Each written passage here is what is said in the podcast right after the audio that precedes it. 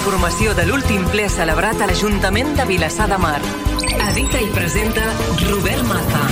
Sigueu benvingudes, sigueu benvinguts a aquesta nova edició de les veus del ple, l'espai dels serveis informatius de Vilassar Ràdio destinat a portar-vos tota la informació referida a les sessions plenàries que se celebren a l'Ajuntament de la nostra localitat de Vilassar de Mar.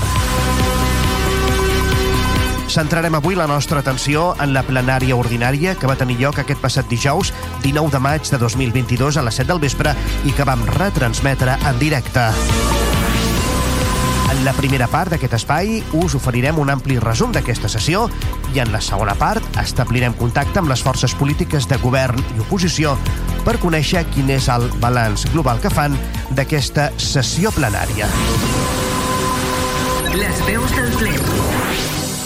El resum. Entrem directament en matèria. La sessió plenària va aprovar amb els vots a favor d'Esquerra Republicana de Catalunya, gent per Vilassar de Mar, l'abstenció de Ciutadans i Partit dels Socialistes de Catalunya i els vots en contra de Vavor i Junts Vilassar de Mar l'obligació de pagament de les factures d'Urbàcer corresponents al mes de març de 2022, que pugen a 214.524 euros. Era el segon punt de l'ordre del dia. Des de Ciutadans es va demanar al govern que aquesta situació se solucioni el més aviat possible, perquè, segons va explicar el seu portaveu Juan Díaz, els agradaria que les factures estiguessin suportades per un bon servei que, a parer del seu grup, ara mateix no s'està prestant. Des del Partit dels Socialistes de Catalunya, el seu portaveu, Quico Zamora, va recordar que arribar a aquest punt cada ple es deu a una mala gestió del govern, va dir, però que les factures s'han de continuar pagant perquè el servei es dona. Des de Vavor, Helena López va remarcar que és un tema repetitiu i una vegada més va fer al·lusió a que el servei es presta en base a un contracte ja caducat que data de 2008 i que avui en dia no s'ajusta a les necessitats reals del poble. Helena López va explicar que votaven en contra perquè no volen assumir el que consideren una mala gestió del govern. El mateix motiu que va argumentar la portaveu de Junts Vilassar de Mar, Laura Martínez, per votar en contra. No volem assumir la seva inacció, va dir Laura Martínez dirigint-se al govern.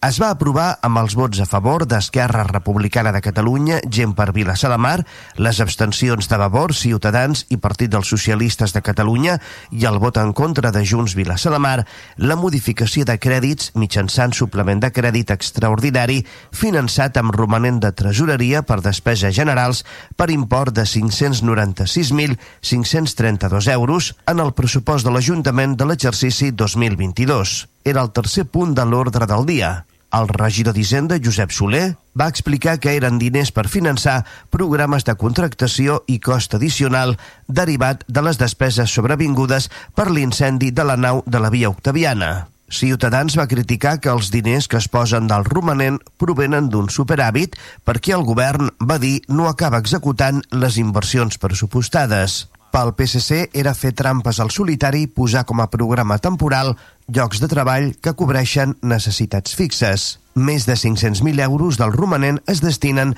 al que hauria d'anar a capítol 1 del pressupost, va retreure Quico Zamora al govern. Vavor també va criticar l'existència del romanent que atribueixen a que el govern no executa les inversions que havia previst. Des de Vavor creuen que el romanent hauria d'anar a finançar noves inversions i no el finançament de la renovació de contractes programes temporals de fins a 16 treballadors de l'Ajuntament que haurien d'estar dins del pressupost ordinari. Vavor va explicar que s'abstindrien per uns compromisos amb el govern, l'elaboració immediata de les ordenances fiscals i reguladores de residus, l'adquisició d'un habitatge destinat a serveis socials i el compromís per la contractació d'un tècnic de dinamització agroecològica. Junts Vilassar de Mar es va unir a les crítiques de la resta de grups de l'oposició i van retreure al govern el que es finançava amb el romanent. Laura Martínez va manifestar disfressen amb un programa Covid places de treball que res tenen a veure amb la Covid i que, a més, no haurien de ser temporals, sinó estructurals. Seguidament es va debatre la moció no resolutiva d'urgència presentada per Vavor per garantir l'accés de tot infant a l'escola Bressol Municipal. Va ser el quart punt de l'ordre del dia. La urgència de la moció es va aprovar per unanimitat i la moció va quedar finalment aprovada amb les abstencions d'Esquerra Republicana de Catalunya, Gent per Vilassar de Mar i els vots a favor de la resta de grups del plenari. La moció presentava sis acords. El primer, analitzar les dades de preinscripció i impulsar accions per tal de conèixer les preferències de les famílies en relació amb els dos edificis de la Bressoleta, procurant l'accés al centre preferent. El segon, garantir l'obertura de noves estances si la preinscripció supera l'oferta per tal que cap infant es quedi en llista d'espera i sense plaça, apostant per la reducció de ràtios i una millor atenció dels infants. El tercer, fer un salt qualitatiu i quantitatiu en la promoció de les escoles bressol públiques, així com incentivar l'accés d'infants de famílies nouvingudes, revisant els criteris alimentaris del servei de menjador, millorant la comunicació a través dels canals ja establerts i oferir informació en el procés d'empadronament. El quart, estudiar la flexibilització de quotes i serveis, especialment en el grup de lactants o prestar-ne d'alternatius relacionats amb l'educació i les cures. El cinquè, fomentar la participació de la comunitat educativa convocant amb major regularitat el Consell Escolar Municipal i augmentant la participació de les famílies amb la creació de comissions, taules o grups de treball específics per tal d'afrontar el debat sobre la braçoleta i acordar accions a emprendre. El sisè, incloure l'associació de mares i pares d'alumnes i la direcció de la braçoleta a l'espai de reunions entre l'Ajuntament, les direccions i les associacions de famílies d'alumnes de les escoles d'infantil i primària on es tracten temes com la preinscripció. Ciutadans es va mostrar d'acord amb la moció i va afirmar que cal fer un esforç per saber quin model educatiu es vol pel municipi. Juan Díaz va afirmar que votaven a favor perquè la moció intenta millorar la qualitat educativa i potenciar la braçoleta perquè funcioni millor. Des del Partit dels Socialistes de Catalunya, la seva regidora, Anna Santos, va remarcar que cal apostar per una braçoleta oberta i accessible a tots els infants. Per Junts Vilassar de Mar hagués calgut un debat profund sobre la braçoleta i van retreure al regidor d'Ensenyament que per motius personals no va poder assistir a la plenària que no s'hagués dut a terme. Des del govern, d'Esquerra Republicana de Catalunya, gent per Vilassar de Mar, que es van abstenir, van respondre als sis punts dels acords que plantejaven la moció. El portaveu del govern, Àngel Font, va llegir les respostes que havia preparat el regidor d'Ensenyament sobre les preferències del centre d'accés va respondre que ja es fa sempre i sempre es tenen presents les qüestions relatives a la segregació escolar per tal que no es donin diferències significatives entre amb dos edificis. El regidor va donar dades actuals sobre la preinscripció, on quedava palès que en l'edifici de Montevideo les preinscripcions no cobreixen totes les places que s'oferten, mentre que en Eduard Ferrés passa el contrari. També va recordar que el 20% de les sol·licituds Eduard Ferrés renuncien per logística quan se'ls adjudica plaça al centre de Montevideo i les famílies acaben marxant a la privada. Respecte al segon acord, Font va recordar que s'obren les estances que calen en funció del nombre d'infants preinscrits. Respecte al tercer, Font va assenyalar que hi ha comunicació total amb serveis socials per informar a les famílies nouvingudes sobre la braçoleta i que a nivell d'alimentació ja s'ha iniciat la revisió dels menús amb la nutricionista del centre d'atenció primària. Respecte al quart acord, va respondre que es poden estudiar serveis alternatius però puntualitzant que l'escola Bressol no és un servei de guarderia.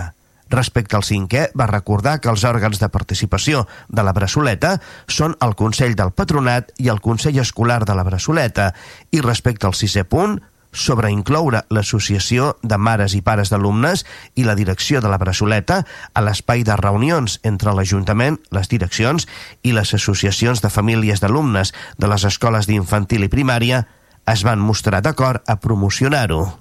En la secció de pregs i preguntes per part de l'oposició, el primer grup polític de l'oposició a intervenir va ser Ciutadans. El seu portaveu va preguntar per la subvenció que ha donat la Diputació a l'Ajuntament per fer un estudi d'edificis públics a Mamian. En concret, què farà el govern amb aquesta subvenció i si hi havia un calendari. El regidor de Medi Ambient i Espais Públics i Equipaments, Joan Roca, va respondre que és un recurs que dona la Diputació per fer un estudi per fer-hi actuacions futures. Ciutadans també va preguntar si en la coberta del pavelló Paco Martín hi ha amiant i si en l'obra de substitució es prenien totes les mesures de seguretat. Roca va contestar que sí i que en el plec de condicions ja s'especificava com l'empresa adjudicatària s'hauria de fer càrrec de la retirada d'aquest material complint tots els requisits. Des del Partit dels Socialistes de Catalunya es va fer una queixa sobre instàncies que no es responen, posant d'exemple una presentada pel regidor socialista Manel Balaguer al febrer de 2022. També van preguntar sobre unes subvencions Next Generation que ha tret el Departament de Drets Socials de la Generalitat i sobre què demanaria el govern. La regidora de Serveis Socials, Núria Arassa, li va respondre que encara s'està estudiant. El Partit dels Socialistes de Catalunya també va preguntar per la situació dels centres cívics l'aigua calenta als vestuaris de la pista Lluís Guardiola i per l'activitat de gimnàstica de gent gran del Pérez Sala, que, segons van dir, tenien molta rotació de monitors. La regidora Núria Arassa va respondre que el centre cívic Lluís Jové s'està dinamitzant ara amb altres tipus d'activitats i que fa tres setmanes que van tenir una proposta de persones que el volen tirar endavant després que, des de fa més de dos anys, dimitís la Junta. En relació al centre cívic del Passeig, va explicar que els tempos els ha marcat el grup de voluntaris que va sorgir des que la Junta va anunciar que dimitia i que l'Ajuntament, des d'aleshores, s'ha fet càrrec del manteniment de les activitats. També va avançar que el bar del centre cívic del Passeig obrirà aviat les seves portes, després que hagués quedat adjudicada la seva licitació. Sobre el tema de les calderes de Lluís Guardiola, van dir que respondrien per escrit. Per part de Vavor es va preguntar per la falta d'il·luminació del passatge de les Serres el per què no s'obren els lavabos de la plaça del Círcul quan hi ha alguna activitat, quina és la previsió dels pressupostos participatius, com la ciutadania pot tenir accés a les preguntes del ple que el govern respon per escrit, per identificacions de la policia local amb menors racialitzats, pel tractament fitosanitari de l'arbrat i pels criteris per fer actes a la biblioteca després que hagi acollit un acte polític d'Esquerra Republicana de Catalunya. Respecte a la il·luminació del passatge de les Serres, el regidor d'Espais Públics, Joan Roca, va respondre que hi ha un pressupost demanat i que era una qüestió de tràmit administratiu per qui es materialitzés. Respecte al tractament fitosanitari, va detallar que només s'utilitza aigua i sabó potàssic. Sobre els pressupostos participatius, la regidora de Participació, Montse Gual, va explicar que entrarà una persona per cobrir la vacant de tècnic de participació i que s'entomarà la feina per complir amb el calendari establert. En relació a les identificacions de la policia local, el regidor de Governació, Àngel Font, va negar que la policia estigui fent identificacions recurrents a menors racialitzats. El grup municipal de Junts Vilassar de Mar va tornar a preguntar per les diferències entre els centres cívics, per la concessió caducada del camp de futbol a la Unió Esportiva Vilassar de Mar i per les dificultats de trobar la instància genèrica al nou web de l'Ajuntament. Sobre els centres cívics, la regidora de gent gran Núria Arassa va parlar de diferències entre centres cívics per les característiques dels equipaments i per les associacions que les gestionen i va assegurar que des de l'Ajuntament es buscarà la fórmula per ajudar a tot el que les dues associacions decideixin. El regidor de Comunicació i Noves Tecnologies, Jordi Acero, sobre el web va recordar que s'han fet requeriments a l'empresa adjudicatària perquè el nou web de l'Ajuntament compleixi amb tot el que es demanava en el plec de condicions i va recordar a la portaveu de Junts Vilassar de Mar que si es busca en el cercador del web la paraula instància, la primera que surt és la instància genèrica. La resta de preguntes, el govern va dir que les respondria per escrit. A la part de torn obert de paraula del públic, un ciutadà va preguntar per fanals espatllats al carrer Manuel Roca, per l'estat de la gespa artificial de la pista a l'aire lliure del costat de Can Jorba i per quan li costa al poble l'empresa de manteniment de la via pública. Des del govern se li va dir que li respondrien per escrit. El ple va aprovar per unanimitat l'acte de la sessió plenària del 28 d'abril. Era el primer punt de l'ordre del dia. Finalment, recordem que el ple també es va donar compte dels decrets d'alcaldia que van des del número 1583 barra 2022 fins al 1919 barra 2022. Les veus del ple.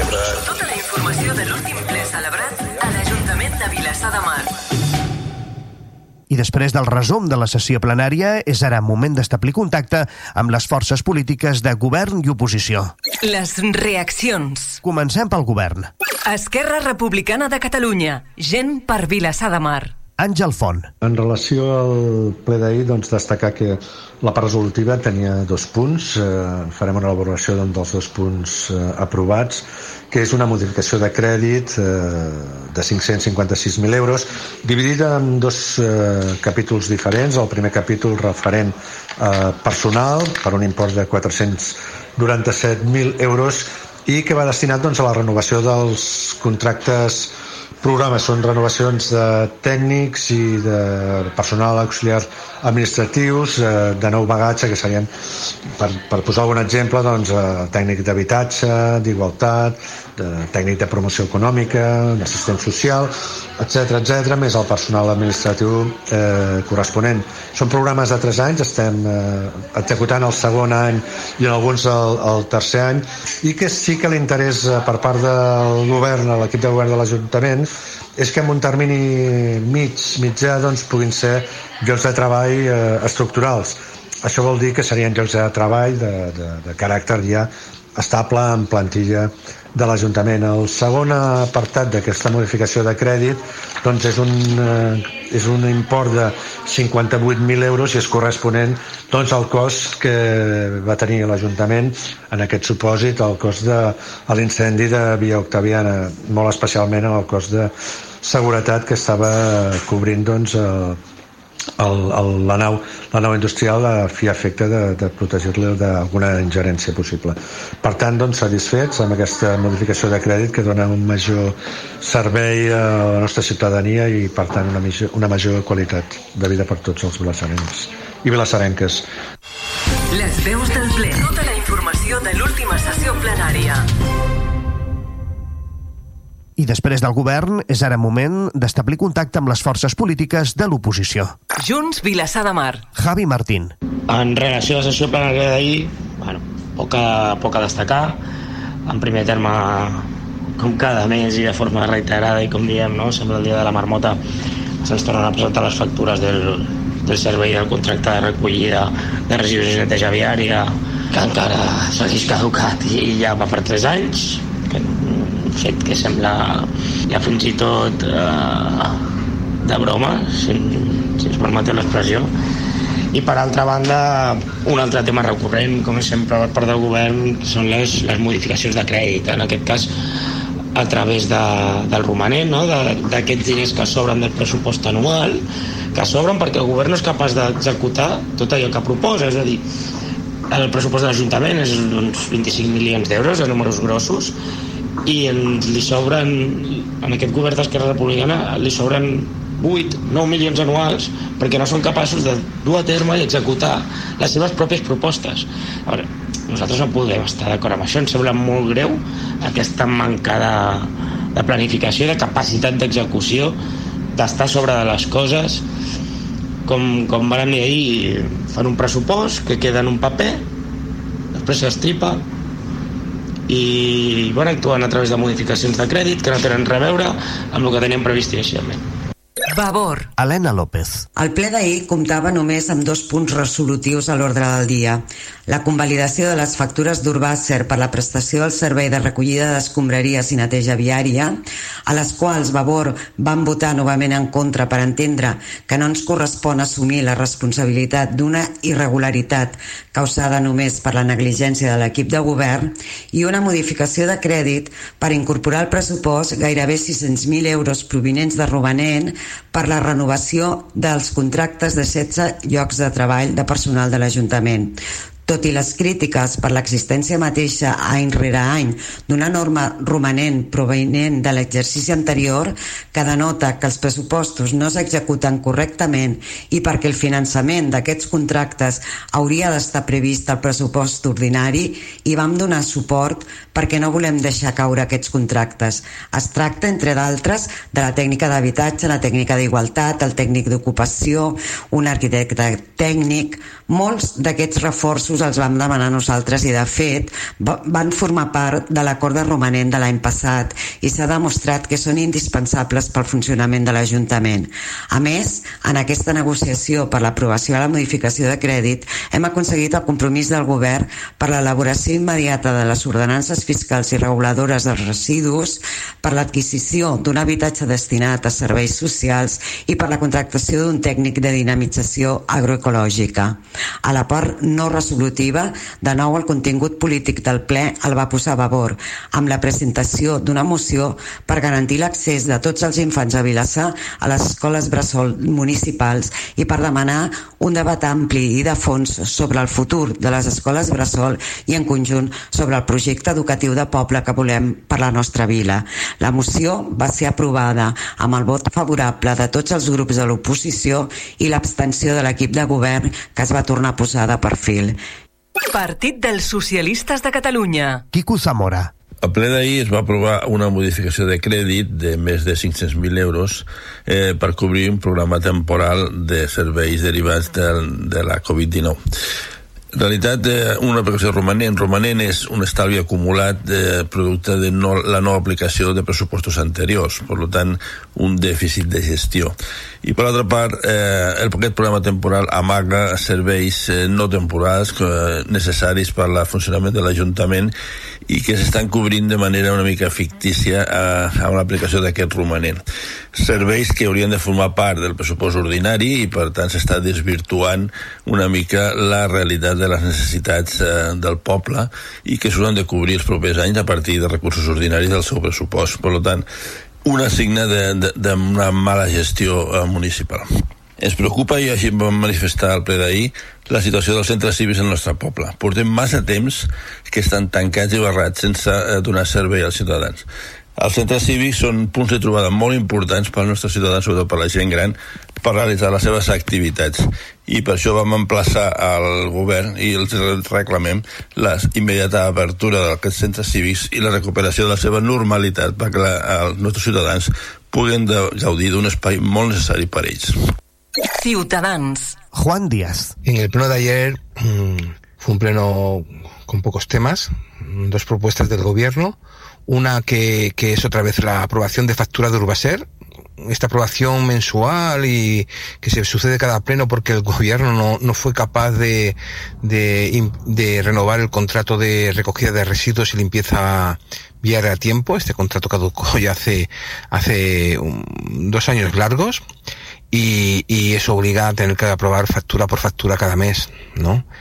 Eso además tiene consecuencias en el servicio que se presta, porque se está prestando un servicio con unas condiciones del 2008. Entonces, el servicio, los medios utilizados, los recursos, los equipos, pues están todos viejos, obsoletos, y, y eso se, se traduce en un servicio, a nuestro entender, deficiente y en unas calles menos limpias que lucen menos, un pueblo menos bonito. También hubo una modificación de crédito para asumir una serie de pagos, ¿no? Esto es un recurso que el gobierno utiliza mucho, modificar eh, el origen de un dinero para destinarlo a otro, ¿no? Entonces eh, es una herramienta útil en, en, en, el gobierno de un ayuntamiento, pero que el gobierno el gobierno abusa abusa en su utilización, ¿no? Y finalmente hubo una moción de favor que para un poco poner otra vez sobre la mesa el tema de la brazuleta, ¿no? La importancia que es tener una escuela brazola en el barato, ¿no? Eh, como elemento integrador y como elemento descentralizador de los servicios que ofrece este ayuntamiento. El barato no puede quedarse solo y lo que tenemos que hacer es eh, ir dejando sin contenido a esta escuela brasol, a la brazuleta, para que al final eh, consideremos que no es útil. Hemos de apostar por la brazuleta, hemos de mejorar la calidad educativa. Si bajan, si hay menos alumnos, pues mejor, eh, pues con una bajada de, de ratios y, y, que la calidad educativa sea todavía mejor. Y sobre todo, eh, hemos de darle toda la importancia y significado que tiene la braçoleta para el barato y para todo Vilassar. Les veus del ple. Tota la informació de l'última sessió plenària. Punt i final a aquesta edició de les veus del ple, l'espai dels serveis informatius de Vilassar Ràdio destinat a portar-vos tota la informació referida a les sessions plenàries que se celebren a l'Ajuntament de la nostra població, de Vilassar de Mar. Avui hem centrat la nostra atenció en la plenària ordinària que va tenir lloc aquest passat dijous 19 de maig de 2022 a les 7 del vespre i que vam retransmetre en viu. En la primera part us hem ofert un ampli resum d'aquesta sessió i en la segona part us hem ofert el balanç global que han fet d'aquesta sessió les forces polítiques de govern i d'oposició. En nom de tot l'equip d'informatius de Vilassar Ràdio, rebeu una cordial salutació des de la redacció, des de la tècnica i des de la locució de Robert Maza. Gràcies per acompanyar-nos una vegada més. Les veus del ple, un espai dels serveis informatius de Vilassar Ràdio.